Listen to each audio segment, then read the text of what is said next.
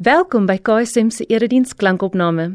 Nadat jy hierdie boodskap geluister het, sal ons dit regtig waardeer as jy die boodskap rate of in Afrikaans gestel beoordeel en deel met ander. Jou terugvoer help ander om saam met ons die Jesuslewe te ontdek, omdat Jesus alles verander. Hier is vandag se boodskap. Ons Vader met U met die Heilige Gees wat in ons is nader ons tot U in die naam van Jesus wat die Christus is. Here is die Here van die Here. Is die koning van die konings. Here is die wonderbare raadsman, is die vredevors. Here is die een wat Uself via die woorde van die Nuwe Testament aan ons openbaar. Here mag ons, mag ons vandag vir vir ons gesinne, mag ons vir ons huise, mag ons vir ons families. Here mag ons u stem helder en duidelik hoor. Here mag ons u wil onderskei.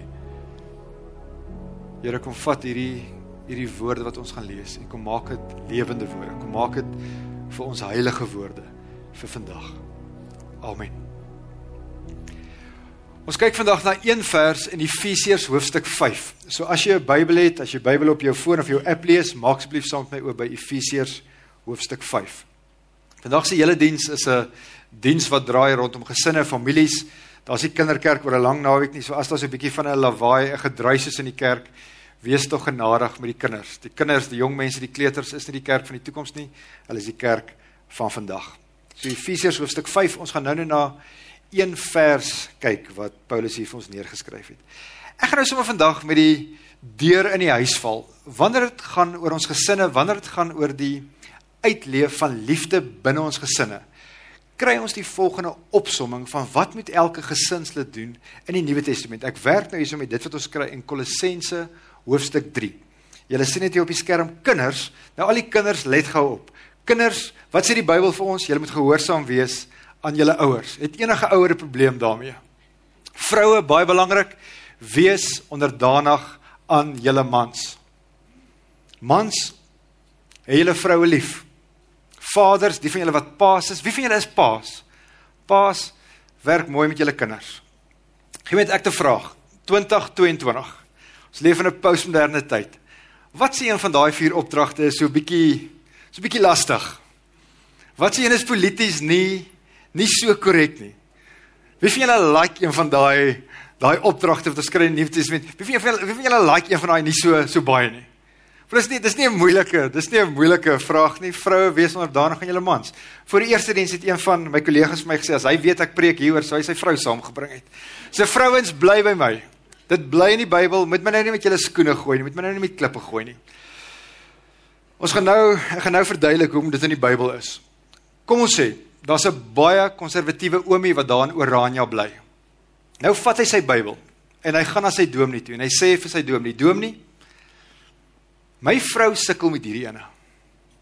Help haar, rus haar toe, wys haar hoe om onderdanig aan my te wees.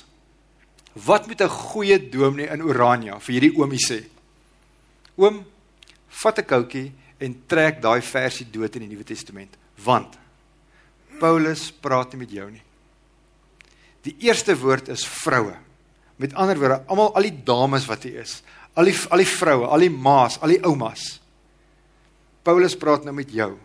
Wees jy onderdanig aan jou man en ons mans, ons hoef nie eers te weet dat daai vers in die Bybel is nie.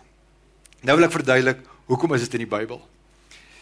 Die dokumente wat ons in die Nuwe Testament kry, die briewe, die evangelies, het ontstaan so 20, 30, 40, 50, 60 jaar nadat Jesus gesterf het, nadat hy uit die dood uit opgewek is. Ons weet nie presies wanneer dit gebeur het nie, maar Jesus is waarskynlik in April in die jaar 33 gekruisig, God het hom opgewek. En toe eers 2, 3, 4, 5, 6 dekades later is hierdie dokumente opgeskryf. Vir Jesus het alles oor die liefde gegaan.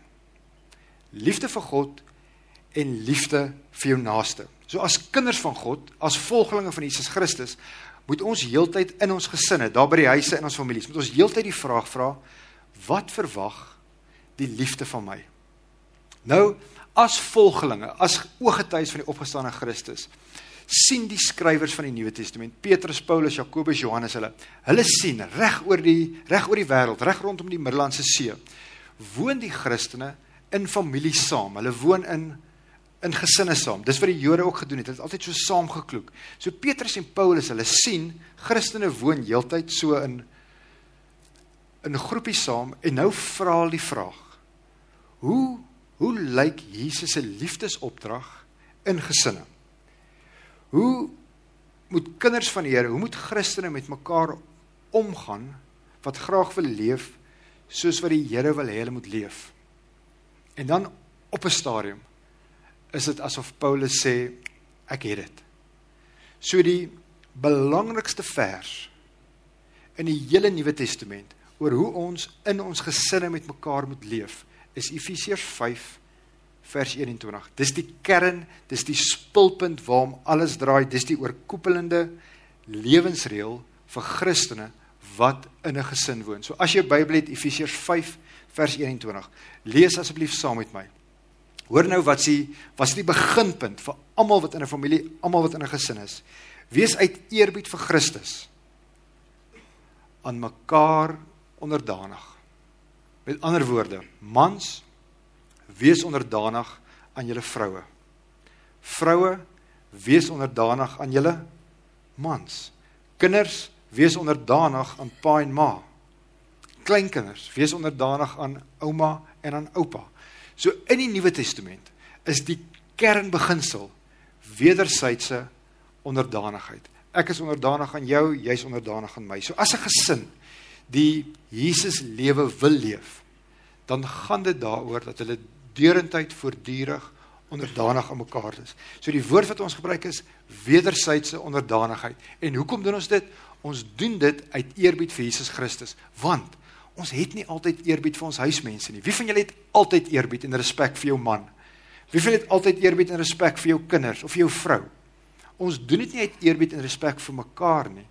Ons doen dit uit eerbied en respek vir Jesus Christus. Hy was die hy was die dienaar by uitnemendheid. Hy was die toonbeeld van diensbaarheid. So omdat ons kinders van God is, omdat daar 'n band is tussen ons en die opgestane Christus, omdat ons lief is vir hom, omdat ons wil leef soos hy wil ons moet leef, is ons ook onderdanig aan mekaar.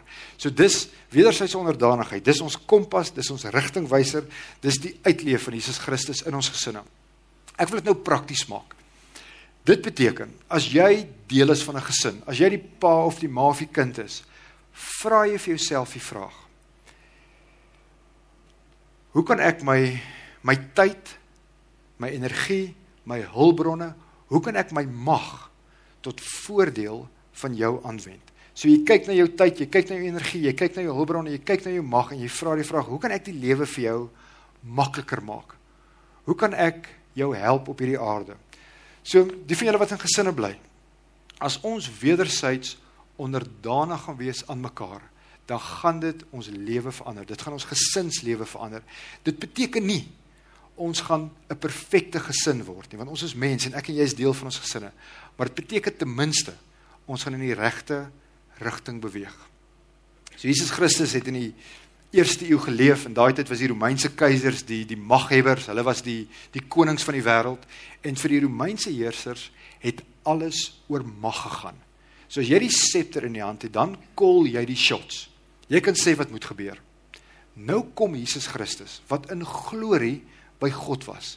So ons ek het nou nog gepraat van die voorbestaan van Jesus Christus, die pre-eksistensie van Jesus Christus. Hy's by God die Vader in heerlikheid en glorie en hy word mens. Hy's die een aan wie alle mag in die hemel en op die aarde behoort.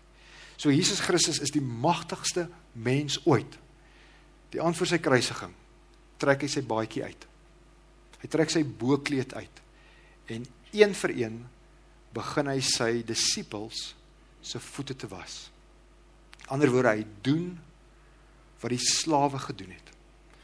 Christus as ons Here, Christus as die koning is vir ons die voorbeeld. Nadat hy gedoen het, sê hy ook vir sy disippels: "Wel, ek het vir julle 'n voorbeeld gestel."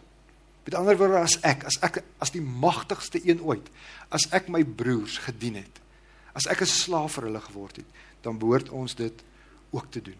So Petrus net om op te som, waar kom hierdie onderdanigheid vandaan? Petrus, Paulus, Jakobus, Johannes, Hulle het 'n klomp jare gehad, 10 jaar, 20, 30, 40, 50 jaar gehad en hulle dink en hulle mediteer en hulle filosofeer en hulle stoei. Wat beteken dit? Wat beteken dit om Jesus se liefde uit te leef in ons gesinne? En op 'n stadium is dit die lig wat aangaan. En hulle sê, "Oké, okay, wederwysige onderdanigheid. Ek as pa dien my vrou. Ek as vrou dien my man." Ek wil dit nou nog meer prakties maak. Dit gaan oor een vraag wat ek en jy voortdurend vir ons gesinsmense moet vra. Efesiërs 5 vers 21 roep ons op om bykans elke dag vir die mense wat saam met ons bly, die volgende vraag te vra. Wat kan ek doen om te help? Julle is so prakties soos dit en so eenvoudig soos dit. As jy in 'n huis bly, my man, wat kan ek doen om te help? My vrou, wat kan ek doen om te help? As jy kinders het, kyk jou kinders in die oë en vra vir hulle, my seun, my dogter, wat kan ek as jou ma, wat kan ek as jou pa doen om te help? Ek is jou oupa, ek is jou ouma. Wat kan ek doen om te help? Ek wil vir 'n oomblik met die kinders praat en ek wil oogkontak maak met al die laerskool en die hoërskoolkinders wat hier is vandag. Vra vir jou ma die vraag vandag. Wat kan ek doen om te help? Vra vir haar môre die vraag. Vra vir haar Dinsdag op die vakansiedag die vraag. Wat kan ek doen om te help? As jy vir 3 dae in 'n ry vir jou ma hierdie vraag vra, gaan sy dink sy moet jou dokter toe vat. Maar doen dit in elk geval. Vir die kinders wat hier is, vir die kinders wat hier is wat hulle self nie te ernstig opneem nie. Vir die kinders wat hier is wat so 'n bietjie van 'n sin vir humor het. Wag tot jou ma saam met haar vriendinne sit en kuier. Dan stap jy baie beleefd in die sitkamer in en sê mamma, my kamer is aan die kant, my huiswerk is gedoen. Ek gaan oor 'n uur oefening toe. Wat kan ek doen, mamma? Wat kan ek in die huis doen om mamma te help? Jou ma se vriendinne gaan van hulle stoel afval. Hulle gaan haar smeek om haar ouerskap skills met hulle te deel. Vir die van julle wat wat ouers is, kan ek gou sien wie van julle tans laerskool en hoërskoolkinders? Vir die van julle wat ouers is, vra hierdie vraag vir julle kinders. Almal van ons weet, dis nie lekker om altyd 'n ouer te wees nie. Almal van ons weet dis uitdagend, almal van ons weet dis moeilik. Baie van ons beleef dit dat dit net dis baie keer net 'n gefight en jy raas met jou kinders en is 'n geskree. As ek en jy vir ons kinders hierdie vraag vra, dan keer dit dat ons verhouding die heeltyd negatief draai. Jou kind gaan nie perfek word nie, want ons kind is, hulle is tieners. Hulle is jong mense, hulle is kleuters en babas. So hulle dis hulle gaan hulle gaan bly vir 'n klomp jare. Maar dit gaan 'n stuk positiwiteit in die huis inbring. En moenie dink jou kind verstaan hierdie vraag nie. Ons het 'n 4 en 'n 2-jarige. Nou weet ek waar ek gaan preek. Vrydag aand vra ek vir my 4-jarige. Theodor, wat kan pappa doen om te help? Toe sê hy vir my, pappa, pappa moet vir mamma help as ons stout is. En hy is so 80% verantwoordelik vir die vir die konflik in die huis.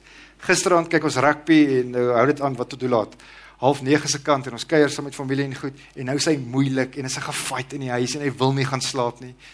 Ek weet ek preek oor minder as 12 ure. Theodor, wat kan pappa doen om te help? Pappa lees asseblief my 'n Bybelstorie. So ons kinders, ons kinders weet om hierdie vraag te beantwoord. So ouers, ek wil julle uitdaag. Elke vers in die Nuwe Testament roep ons op om iets te gaan doen. Elke dag. Kyk jou kind in die oë. Alles hy jonk, alles hy jonk en vra vir hom of haar die vraag: Wat kan mamma, wat kan pappa doen om te help? Hulle weet om hierdie vrae te beantwoord. Kan ek vir 'n oomblik al die vroue se aandag kry? Die mans, julle hoef nie te hoor wat ek nou sê nie. As jy vir jou man gaan vra, is daar iets wat ek vir jou kan doen? Sal baie mans soos 'n vlakvark maak, net daai net Maar As jy as vrou vir jou man die vraag vra, man lief, ou bil, wat jy hom ook al noem, wat wat kan ek doen om te help? Dan kommunikeer jy iets aan jou man. Jy sê vir hom iets soos: My man, ek sien jou raak. Ek sien jy werk hard. Ek sien jy het ook maar net 24 ure 'n dag. Ek sien jy beloof ook stres. En dit is asof jy net 'n 'n gesprek aan die gang sit tussen jou en jou eggenoot. Al die mans kan ek julle aandag kry. Ons vroue vra dikwels nie vir ons gunsies nie. Want hulle het al gehoor hoe ons oor die foon sug as hulle ons vra tel asseblief gou 'n liter melk op by die spar na werk. So hulle hulle voel dit aan. Hulle hulle sien ons volwasse tantrums as 'n vrou vir 'n man vrou. Hoorie, kan jy asseblief half 9 die kinders by die revue oefening gaan optel? So hulle sien ons houding as hulle ons 'n guns vra. En daarom vra baie vroue nie meer vir hulle mans gunsies nie. As ons as mans, as ons as eggenote vir ons vrouens elke dag hierdie vraag vra, dan gee ons vir hulle 'n gap. Ons maak 'n deur oop sodat hulle vir ons kan vra wat hulle vir ons graag wil vra. So hierdie vraag my man, my vrou, my kind, oupa, ouma, wat kan ek doen om te help? Is die brug na wederwysige onderdanigheid. Doen ons dit, dan leef ons die opdragte van die Nuwe Testament uit. Ek sluit af met 'n met 'n teologiese iets en ek wil julle oproep om julle teologiese verbeelding nou te gebruik. Die woord, die seun is van die begin af by God. Nou kom ons sê 2.500 jaar gelede, 3000 4000 jaar gelede is die seun en die vader in die hemel en hulle kyk na die aarde. En dit is net oorloë en is bloed en is geweld en die mense verguis mekaar en kinders word nie geag nie, vroue word nie geag nie. Dis net chaos op hierdie aarde. En ons lees ook ja, ons lees die Here is spyt dat hy die mens gemaak het. So hulle, hulle kyk neer en hulle sien wat op hierdie aarde aangaan. En dan kom 'n dag wat die seun vra: Vader, wat kan ek doen om te help? En die vader is stil. En hy sê: Daar is iets. Daar is iets wat jy kan doen. Maar dit gaan jou jou lewe kos. Dit gaan alles van jou vra. Jy moet mens word. Jy gaan tussen die beesmis gebore word. Jy gaan 'n dienaar moet word. Mense gaan jou verag, hulle gaan jou verstoot, hulle gaan jou slaan, hulle gaan jou martel en uiteindelik gaan jy soos 'n misdadiger aan 'n kruis moet sterf. Maar tog sê hy: Hier is ek. Stuur my. Kerk sonder mure, paas en maas. As jy nie lus is om hierdie vraag te vra nie, doen dit in elk geval. Juis in daai oomblikke moet ons die vraag vra. As jy sit en jy's nie 'n kind van God en jy's nie 'n gelowige nie, as jy skepties is oor die Christelike geloof, vra hierdie vraag in jou gesin. Vra dit voortdurend. Dit werk. Dis wat Christus se liefdesgebod van ons verwag. Ons kan nie anders nie as om elke dag hierdie vraag vir ons gesinsmense te vra. Amen. Ons Here, ons het U nodig. Here, U weet onder hoeveel druk families is. U weet hoe onder druk gesinne is. Here, U weet van die lang ure wat ons werk. Here, U weet van die stres wat ons beleef. Here, U weet dat ons kinders aan soveel meer goed blootgestel is as wat aan as wat ons aan blootgestel is. Here, U weet die wêreld is skepties oor huwelike. Here, U weet die die wêreld is skepties oor oor U wat as dienaar gekom het. Here, kom help ons. Kom gee vir ons die krag, kom gee vir ons die moed. Here kom rus ons toe sodat ons as mans ons vroue kan dien, sodat ons as vroue ons mans kan dien, sodat ons as ouers ons kinders kan dien. Here mag ons, mag ons as oupas en oumas, Here mag ons as ooms en tannies en niggies en neefies. Here mag ons opnuut weer leer wat dit is om onderdanig, wat dit is om 'n dienaar te word, 'n dienaris, 'n dienares te word van die mense wat saam met ons hierdie lewe leef. Ons kan dit nie. Here, U weet ons kan dit nie op ons eie doen nie. Kom gee vir ons Here u Heilige Gees. Kom versterk ons soos wat net u u familie kan versterk. Amen. Indien hierdie boodskap vir jou betekenisvol was, oorweeg dit om in te teken vir ons nuusbrief waarin ons weekliks hulpbronne en opkomende gebeure by KSM deel sodat ons saam die Jesuslewe kan ontdek. Besoek ksm.co.za en word deel.